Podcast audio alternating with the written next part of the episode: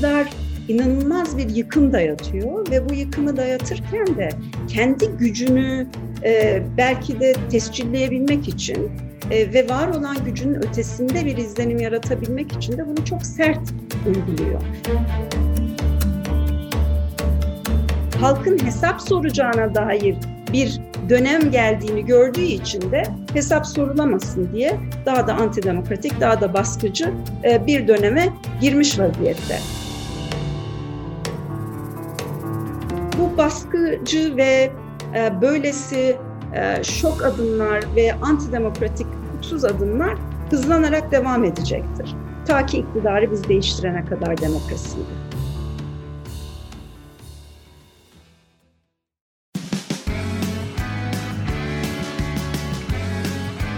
Oku, dinle, izle. Kısa Dalga. Kısa Dalga'dan ve Zör Soru'dan merhaba. Bugün Selin Sayek Böke ile birlikteyiz. CHP Genel Sekreteri Selin Hanım hoş geldiniz. Hoş bulduk. Selin Hanım, e, Can oğlunuz e, 16 yaşına mı geldi? Aksel'de 11 yaşında. E, evet. Sizin e, siyaset ilk başladığınızda verdiğiniz bir söyleşiye baktım e, hazırlanırken. E, Aksel sizi ev, evde bağlamak istiyormuş. Alıştı mı aileniz siyaset? E, çünkü e, hakikaten zor hele CHP'de e, ve böyle bir dönemde siyaset yapmak. İki oğlunuz var e, ve e, yetişme çağındalar. İkisi de ergenlik çağında. Nasıl gidiyor aileyle ilişkiler?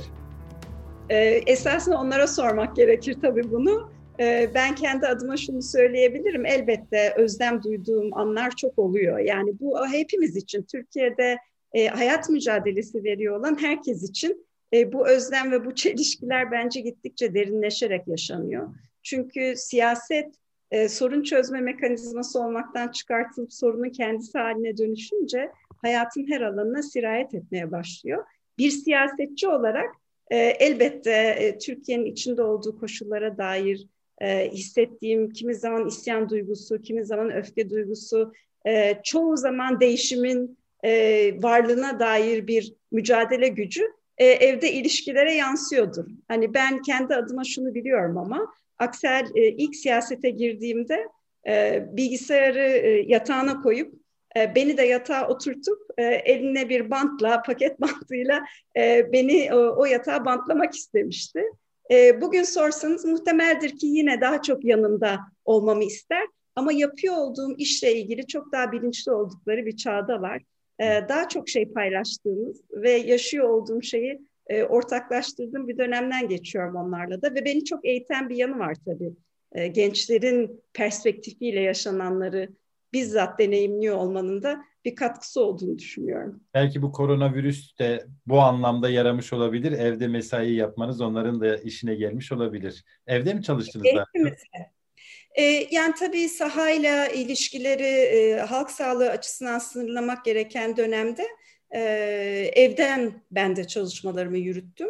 E, dediğiniz gibi bu bağları güçlendirmek açısından e, bir olumlu e, yönü oldu. Birbirimizi daha çok görebilmek ve birbirimizin yaptığı işlere dair, hayatın içindeki e, belki de varlığımıza dair birbirimizi daha çok tanıdığımız bir dönemde oldu. Yani gönlüm isterdi ki herkesin böyle şansı olsun. Yani Covid dönemi herkese eşit davranmadı. Evet, evet.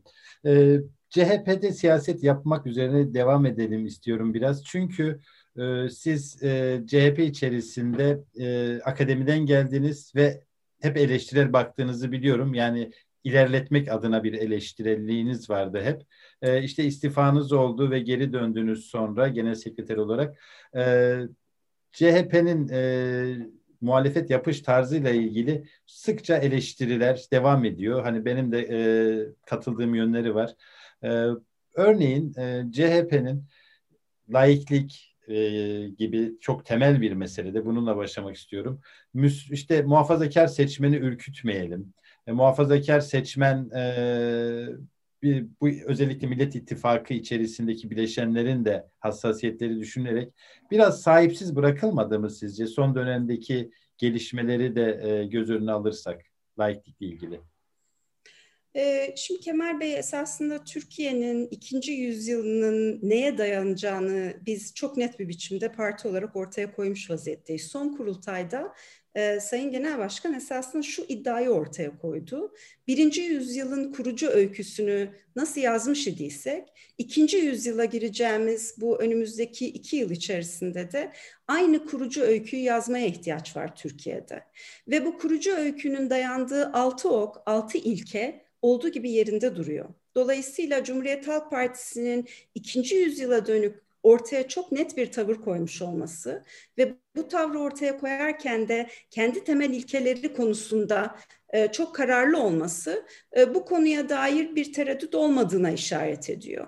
Yani Cumhuriyet Halk Partisi'nin laikliğe yaklaşımı e, çok net ve Türkiye'nin de bu konuda büyük bir ihtiyacı olduğu da çok net. Yani bana sorarsanız yaşadığımız bu deneyimler, siyasetin içine sürüklendiği hal ve siyasetin topluma dayatıyor olduğu yıkım esasında Cumhuriyet'in temelini oluşturan bu ilkelere ne kadar çok ihtiyacımız olduğunu da e, herkese hatırlatmış vaziyette. Yani işte halkçılık, e, devletçilik, yeni bir kamuculuk tarifi, laiklik, e, devrimcilik, değişimi yakalayabilmek, zamanın ruhuyla dönüştürebilmek, bütün bunların esasında e, bütünsel manada hem birinci yüzyılın öyküsünü yazmak konusundaki rolü çok net, hem de bu zamanın ruhu ikinci yüzyılında aynı temellere dayanan ve bu, bu yüzyılın gereklilikleriyle e, hayata taşınan bir siyasete ihtiyacını çok net ortaya koyuyor. Bu konudaki irademizde hiçbir değişiklik yok. Ama gündelik siyasette örneğin Ayasofya cami haline geliyor ve CHP tabanı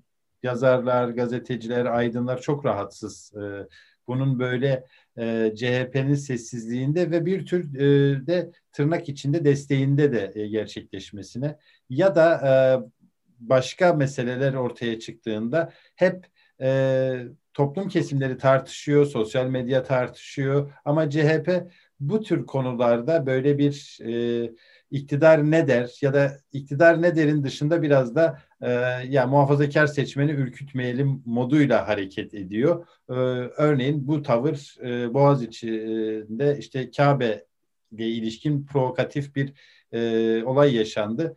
CHP sözcüsü çıkıp e, Twitter'da e, öğrencileri suçlayan, onların e, tutuklanmasını bir tür meşrulaştıran mesajlar atabiliyor ilkeler düzeyinde evet bunu deklar etmiş olabilir ama gündelik siyasette tabanın biraz gerisinde kalmıyor mu sizce de? E, bunu doğru bulmam. Yani haksız bulurum bu yorumu. Şu açıdan Cumhuriyet Halk Partisi'nin e, hani biraz önce de konuştuk. E, bugün Türkiye'ye iktidarın dayatıyor olduğu antidemokratik çerçevesi içerisinde e, demokrasiyi yaşatan ve fikirleri tartışabilen, tartışarak bir konsensus yaratabilen, dolayısıyla da esasında toplumun sorunlarına çare üretirken kendi siyasetini dayatarak değil de toplumla o siyaseti şekillendiren, dolayısıyla da siyaset kurumunun olması gerektiği şekilde yaşamasını sağlayan bir anlayışla devam ediyoruz. Şimdi Boğaziçi'nde mesela e, Cumhuriyet Halk Partisi'nin e, hem yöneticileri hem de en üst düzeyden yöneticileri hem milletvekilleri Boğaz içinde var olan eylemleri siyasetin tekeline alan bir biçimde değil, bilakis demokrasinin salt siyasi kurumlar içerisinde yapılmadığı, siyaset ve demokrasinin sivil toplum nezdindeki etkileşimiyle yaşayabileceği gerçeğiyle de hareket etti. Bu nedenle farklı görüşlerin burada olduğu ve bu görüşlerin farklı siyaset yapma biçimleriyle yansıtılabildiği bir demokratik ve özgür iş yapma biçiminden bahsediyoruz. Bu manada e, ben bu açıklamaların ve bu kanaatlerin esasında e, bir, bir, bir nevi haksızlık olduğu kanaatindeyim. Yani Cumhuriyet Halk Partisi iktidarın dayatıyor olduğunun karşısında başka bir siyasi kültürü mümkün olduğunu bütün baskıya rağmen, bütün kutuplaştırmaya rağmen çok da demokratik bir biçimde yaşatma gayreti içerisinde. Elbette o yıkım, elbette o yıkım bazen o kadar hırçın oluyor ki e, bazı tavırların yani bazı toplum kesimlerinin e, o yıkımın hırçınlığı karşısında belki de hırçın diye tarif etmeyeceğim ama onun kadar yüksek sesle e, veyahut da onun stiliyle ama karşısına bir siyasetle konumlanması talebinin de e, yine demokratik bir biçimde varlığını çok iyi anlayabiliyorum. Bunu temsil eden siyasetçiler de e, Cumhuriyet Halk Partisi'nde var. Peki dış politika alanında e, CHP'nin e, sıklıkla AKP'ye destek olduğu hatta e, tabanının karşı çıktığı birçok olayda dahi e, işte açıklamaların e, bir tür hani milli mesele ve bu milli meselede e, bizi suçlamasınlar e, moduyla yapıldığına dair yaygın bir kanaat var. E, demin söylediğim şeyin yanı sıra e, bir sürü e, işte Suriye meselesi olsun, e, Doğu Akdeniz, Libya ayrıntılara girmeyelim ama bazısında evet belki CHP de öyle düşünüyor ama bazısında iktidarda olsa e, belki çok farklı davranacak ama iktidara destek veriyor. Bazı zamanlarda özellikle çok da sert bir üslupla da işte dış politikada şahin bir görüntü verdiği de oluyor. E, bu da iktidarın e, yarattığı hegemonyanın bir sonucu mu acaba? Çünkü iktidar sıklıkla milli meselelerde e, ayrı düşmekle itham ediyor CHP'yi. Gerçi CHP bu desteği verse de vermese de iktidarın söylemi değişmiyor ama e, dış politikada da çok fazla kredi açtığını düşünmüyor musunuz CHP'nin? Ya iktidarın hegemonyasının farkındayız. Ee, yani esasında başından beri sohbetin e, temelinde hep aynı yere ben de dönüyorum. Yani iktidar inanılmaz bir yıkım dayatıyor ve bu yıkımı dayatırken de kendi gücünü e, belki de tescilleyebilmek için e, ve var olan gücünün ötesinde bir izlenim yaratabilmek için de bunu çok sert uyguluyor. Gittikçe de öyle oluyor çünkü esasında güç gibi gözüken şey bir güçsüzlükten beslenir halde. E, şimdi bu, bütün bu yaşanan gerçekliğin farkındayız. E, burada politikayı e, iktidarı desteklemekten ziyade kamu yararı gözeterek Türkiye'nin faydasını gözeten bir tavırla çizmek doğru. E, Cumhuriyet Halk Partisi'nin de burada attığı adımlarda hep gözettiği şey bu oluyor. Yani iktidarı memnun etmek gibi bir derdi olamaz bir siyasi partinin. Hele ki bir siyasi muhalif partinin. Bizim tek derdimiz var. Kamuya yarar sağlayacak olan adımlarda eğer iktidar o yönde adım atıyorsa buna destek vermek elbette siyasetin bir parçasıdır. Ama eğer kamu zararı yaratacağı ortada bir kararsa e, bu konuda da net bir tavır almakta. Ama peki o zaman Selin Hanım affedersiniz kesim ama e, sınır dışına asker gönderme tezkereleri mesela yani Suriye'de e, bu iktidarın uyguladığı politikaya temelden karşı CHP e, ve bu anlamda müdahaleciliğine de karşı. Ama e, tezkere geldiğinde CHP e, karşı olduğunu meclis kürsüsünde anlatıyor ama evet diyeceğiz diyor. Tıpkı e, Kılıçdaroğlu'nun dokunulmazlıklara ilişkin düzenleme anayasaya aykırı ama evet diyeceğiz dediği ve de e, dokunulmazlıkların kaldırılmasına e, da e, CHP'li bazı milletvekillerin rolü olduğu gibi. E, buna ne diyeceksiniz? Yani çokça şimdi örnekleri vererek süreyi uzatmak istemem ama kürsüden çıkıyor vekiller karşıyız diyor ama milli mesele evet. O zaman e, insanların AKP'nin dış politikasına yönelik eleştiri getirmelerine dair e, alan da daha da daralmış oluyor. Şimdi Cumhuriyet Halk Partisi'nin Türkiye'de yok ediliyor özgürlük alan ediliyor olan e, özgürlük alanını genişletme sorumluluğunun çok farkındayız. Yani buna dair e, sakın hani bu böyle bu bu tespitin farkında olmadığım gibi bir izlenim olmasını istemem. E, bilakis burada çok büyük sorumluluğumuz olduğu kanaatindeyim. Dolayısıyla sizin de söylediğiniz gibi AKP'nin dayatıyor olduğu e, bu e, antidemokratik, bu e, faşizan yaklaşımın karşısında e, özgürlük alanını açmaya çalışan herkesin birbirini büyütmesine ihtiyacımız var. Cumhuriyet Halk Partisi de siyasi kurumlar içerisinde bu manada e, öncü rol üstlenmek zorunda ve bu sorumluluğun çok da farkında. E, onun için de hani kimi zaman bu hassasiyetler ortaya çıkabiliyor. Hassasiyetlerden kastım Türkiye'de ittifak siyasetinin dayatmış olduğu e, o bir arada ve demokrasi kültürünü temel alarak farklılıklarımızla var olmayı becerme e, zorunluluğu bugün iktidarın belki de toplumsal muhalefete dolayısıyla CHP'nin de içinde olduğu bir kitleye dayattığı bir gerçeklik. Bu hassasiyet içerisinde hareket ederek esasında kendi çizgilerinizi çizen ama bu çizgilerle beraber Türkiye'yi bu antidemokratik anlayıştan kurtaracak bir dayanışmayı da büyütme kaygısı elbette stratejinin bir parçası olmak zorunda. Onun için de tek tek politikaların içerisine girmeyi ben de doğru bulmam. Çünkü her bir politikanın kendi yaşandığı zaman içerisinde o konjonktürde değerlendirilmesi doğru olur. E, hepsine dair söyleyeceğim e, kişisel bir siyasi değerlendirmem de olur. E, bir partinin genel sekreteri olarak ifade edeceklerim de olur. Ama bütünüyle şunu söyleyeyim yani bugün Türkiye'nin çok ihtiyaç duyduğu şey ne? e, demokrasi içerisinde bu farklılıkları tartışabiliyor olmamız. Peki iktidarın da yatıyor olduğu şey ne? Bırakın bu farklılıkları tartışmayı, iktidar kendi içerimizde konuşmamızdan dahi rahatsız.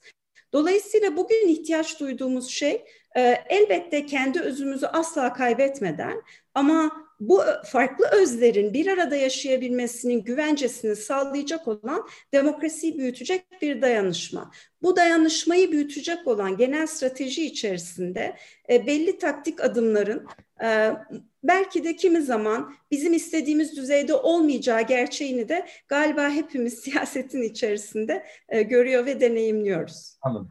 Ben o zaman e, şöyle özetleyeyim e, anladığımı. Bir ittifak içerisindeyiz ve o ittifakın gerekleri var. E, temel meselemiz de bu iktidarın gitmesi ve demokrasinin tesisi.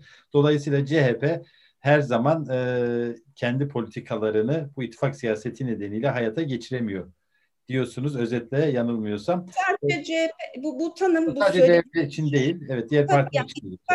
Evet yani ittifak siyasetinin dayattığı ve esasında bir yıkım olan bir şey bu. Yani dolayısıyla bunu aşmamız gerekiyor. Bu nedenle güçlendirilmiş parlamenter demokrasiye geçmemiz gerekiyor. Çünkü geçtiğimiz takdirde Türkiye karanlıklarda tartışan, gece yarısı kararnameleriyle bir takım dayatmalara dönüşen ve siyasi partilerin hatta bireylerin kendilerini rahatlıkla ifade etmeleri önünde engel hissettiği bu ortamı değiştirmemiz gerekiyor. Güçlendirilmiş bir parlamenter demokrasi bugün özünü koruyarak dayanışmayla oraya taşıyabilirsek eğer siyaseti ve toplumu o zaman güçlendirilmiş parlamenter demokrasi içerisinde bu tartışmaların hepsinin bence çok açık kürsülerden ve özgürce yapılabilmesi gerekiyor.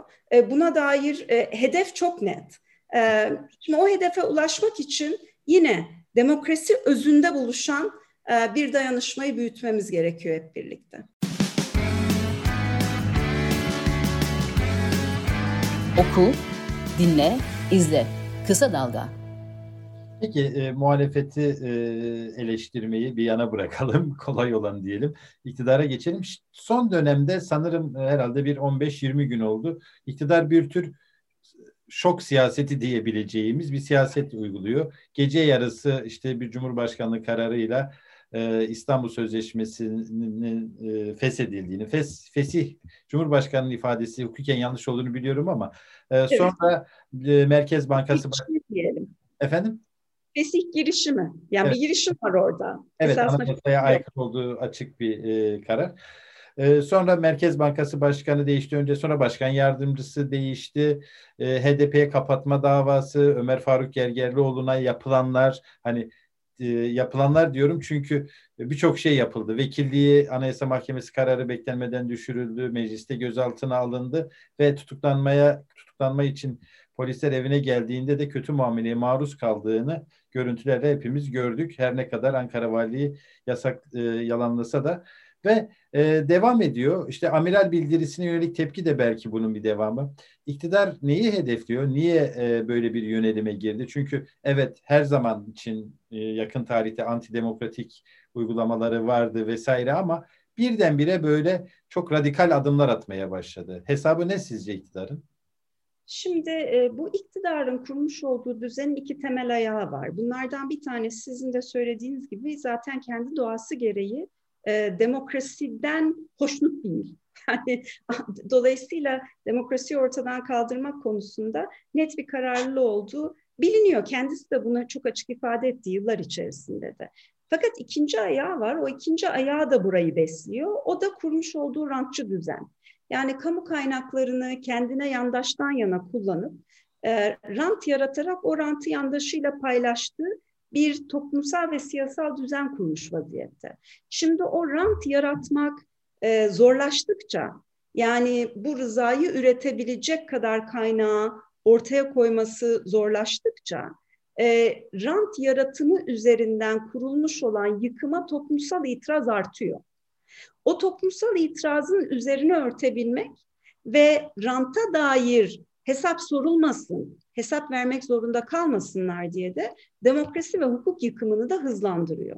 Dolayısıyla bu iki temel ayak esasında toplumsal barışı yok sayan, e, toplumu ayrıştırarak, kutuplaştırarak, öteki ve düşman imgeleri üzerinden kimlik siyasetine sıkıştırmasının sebebi hem demokrasiyi özde zaten istemiyor olması hem de demokrasi olduğu takdirde ve hukuk devleti var olduğu takdirde şeffaflık ve hesap verilebilirlik gerekeceği için hesap veremeyeceği bu rantçı yandaşla kaynak paylaştığı düzeni devam ettiremeyeceğini bildiği için de o demokrasi ve hukuk yıkımını hızlandırıyor. Yani bunlar iç içe geçmiş şeyler. Dolayısıyla ben demokrasi ve hukuk yıkımını gündemi kapatmak için değil, zaten yapmayı seçtiği için yaptığı kanaatindeyim.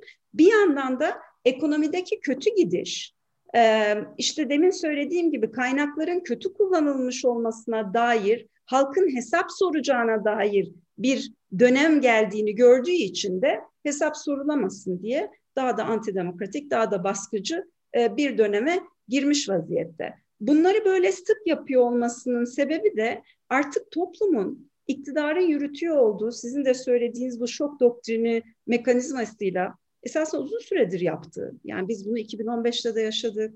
E, devamındaki süreç de böyleydi. Yani 2014'ten beri süre gelen e, benim siyasetteki aktif yolculuğum esasında iktidarın hep zaten şok politikası uygulaması ve ötekileştiren, ayrıştıran bir kimlik siyasetini Türkiye dayatması dönemiyle çok net örtüşüyor. E, buna ihtiyaç duymasının sebebi ekonominin gittikçe kötüye gidiyor olması. Bu ihtiyacı derinleştiriyor. Sıklığın artmış olması da attığı adımların eskisi gibi kendi tabanını da eskisi kadar konsolide etmiyor olmasından kaynaklanıyor. Dolayısıyla da sürekli yeni bir adım daha atması gerekiyor. Bu şu gerçekçilikle devam etmemize işaret ediyor. E, bu baskıcı ve e, böylesi e, şok adımlar ve antidemokratik hukuksuz adımlar hızlanarak devam edecektir. Ta ki iktidarı biz değiştirene kadar demokrasiyle. Peki ama şöyle de bir kaygı son dönemde CHP tabanında da e, ülke genelinde de giderek artıyor. Seçimle gitmeyecekler. Çünkü gerçekten de iktidarın e, attığı öyle adımlar var ki kendisine kaybettireceğini bile bile bu adımları atıyor ve yanı sıra e, gitmemek üzerine de yani seçimle gitmemek üzerine de e, birçok e, örtülü adımın atıldığını da en azından hissediyoruz. E, bunun emarelerini görüyoruz. E, CHP'nin böyle bir planı var mı? Yani e, seçimle gitmeme üzerine e, bir e, yönelime girerse iktidar CHP ne yapar? Çünkü o zaman bu sözde demokrasi de gerçekten çok daha anlamsız hale gelecek. Şimdi son Türkiye'deki son sandık yerel seçimlerdi. Ve yerel seçimlerde bu iktidar esasında sandığa her zamanki gibi bir darbe yaptı değil mi? Dedi ki ben bu kararı tanımıyorum İstanbul'da. Ee, sonuç ortadaydı oysa ki.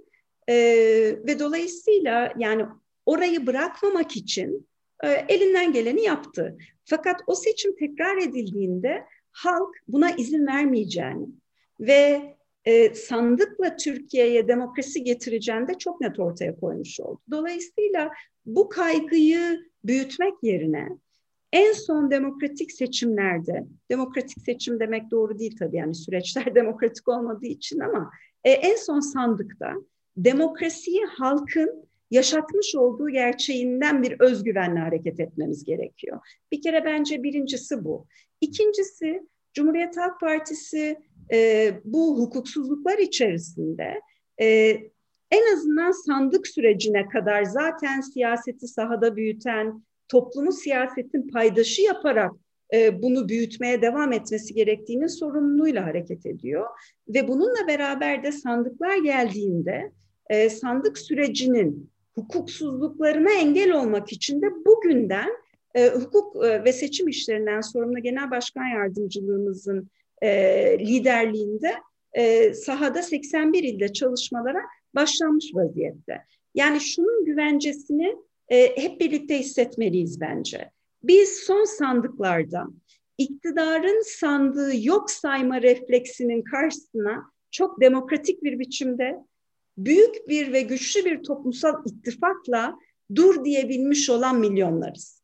Dolayısıyla bunu bir daha yapacağımıza hiçbir şüphe duymamamız gerekiyor.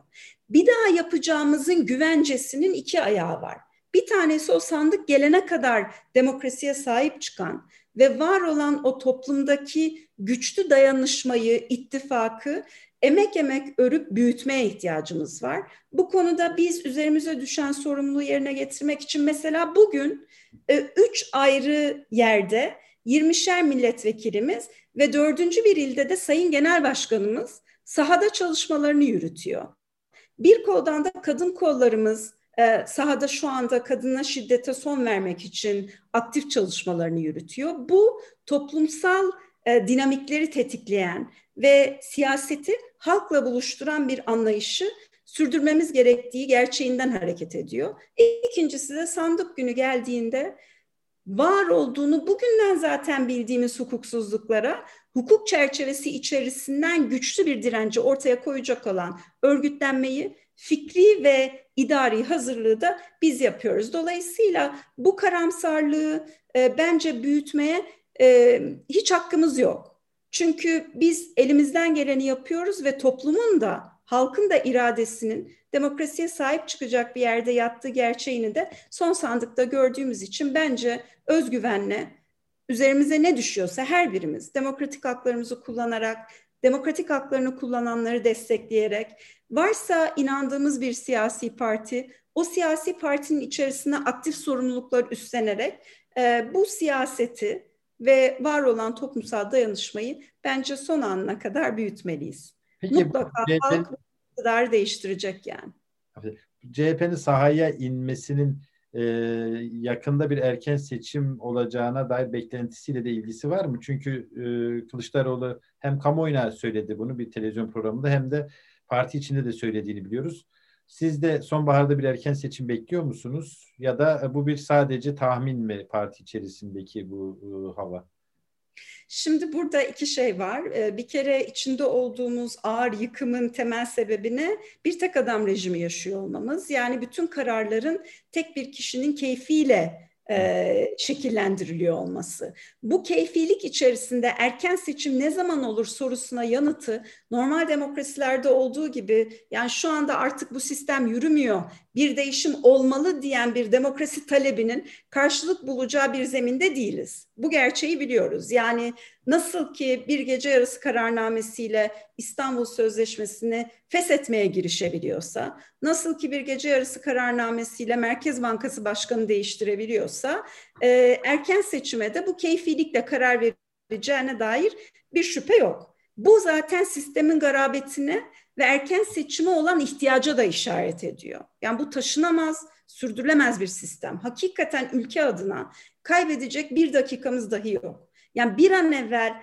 demokrasiyi kuracağımız, daha eşit, daha özgür, daha adalete dayalı bir düzeni hep birlikte var edeceğimiz bir değişimi, yeni bir halk iradesini siyasete taşıyacak demokrasi yaşatmamız gerekiyor. Bu açıdan Türkiye'nin erken seçime ihtiyacı olduğuna dair şüphe yok. Onun için biz yarın seçim varmışçasına bir siyasi sorumlulukla e, siyasetimizi yürütmek zorundayız. Ama zaten seçim olmasa da siyasetin iktidar tarafından demokratik araçlarının sadece sandığa sıkıştırıldığı, sandık sonuçlarında iktidarın keyfine göre tekrarlanabildiği bir yerde sandığın ötesine demokrasiyi taşıyabilmek e, biraz da siyasi sorumluluğumuz. Bu nedenle de seçimden bağımsız olarak seçim öngörüsünden e, sahada daha çok çalışıyor olmanın Türkiye'de demokrasinin sandıkla sınırlı olmadığı, siyasetin siyasi partilerin tekelinde olmadığı, esasında yurttaş olarak her birimizin fiilen zaten hayatı yaşarken siyaset yapıyor olduğumuz gerçeğini yaşatmak açısından da e, sahadaki çalışmaları çok önemsiyoruz.